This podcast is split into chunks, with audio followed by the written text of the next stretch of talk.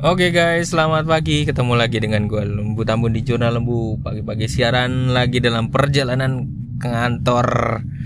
Kalau suaranya terlalu bising atau terlalu keras, sorry ya dimaafin karena tempatnya memang gak cocok banget buat bikin podcast.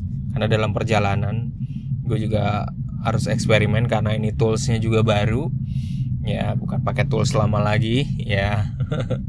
Jadi uh, selamat pagi untuk semua. Uh, sorry lama nggak uh, bersuara karena makin ke sini kerjaan makin cukup tinggi tapi gue usahain untuk tetap gue tetap masih tetap punya kerinduan untuk bikin podcast dan ide-ide udah banyak uh, cuman karena belum sempet belum timingnya belum pas kerjaan di rumah juga lotnya juga gede di kantor juga gede jadi sorry ya.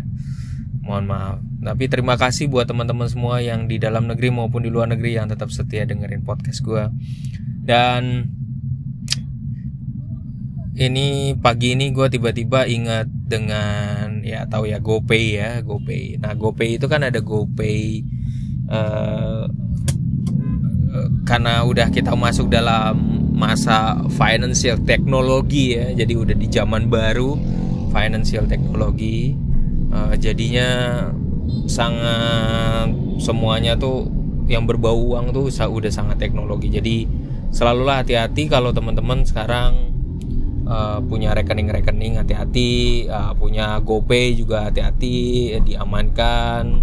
Aplikasi juga diamankan ya. Jadi uh, cari cari cara autentik uh, pakai authenticator yang lebih membuat apa ya akun uh, uang anda itu aman gitu. Jadi selalu selalu hati-hati ya kalau pakai wifi luar terus kemudian anda transaksi. Gue paling pantang banget kalau lagi transaksi uang di HP mau pakai uh, mau pakai BCA kayak Niaga kayak atau apa Indo Premier kayak apa segala macam yang uh, mau pakai yang beli-beli atau Tokopedia dan segala macam yang yang berkaitan sama uang lah gitu. Terus kemudian kita pakai WiFi bebas di luar.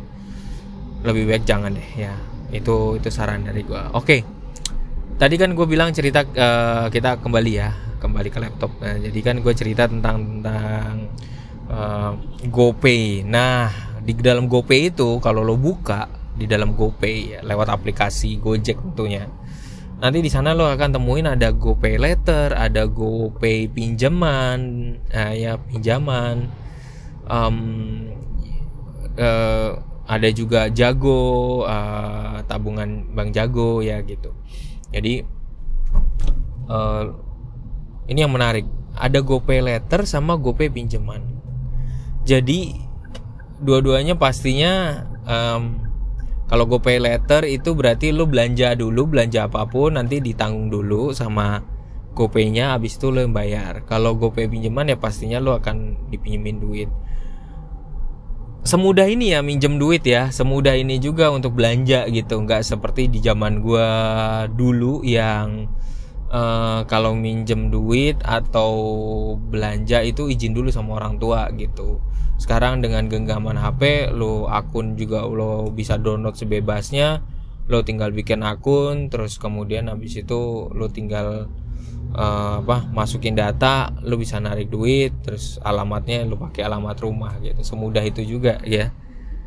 Nah gue saranin nih tips dari gue kalau memang dasarnya lo nggak punya duit lo jangan sekali-sekali coba GoPay letter sama pinjaman. Bukan gua ngelarang. Tapi karena duitnya lu nggak punya gitu untuk bayar. Nah buat yang gajinya pas-pasan ngukur deh kalau mau pakai tools ini.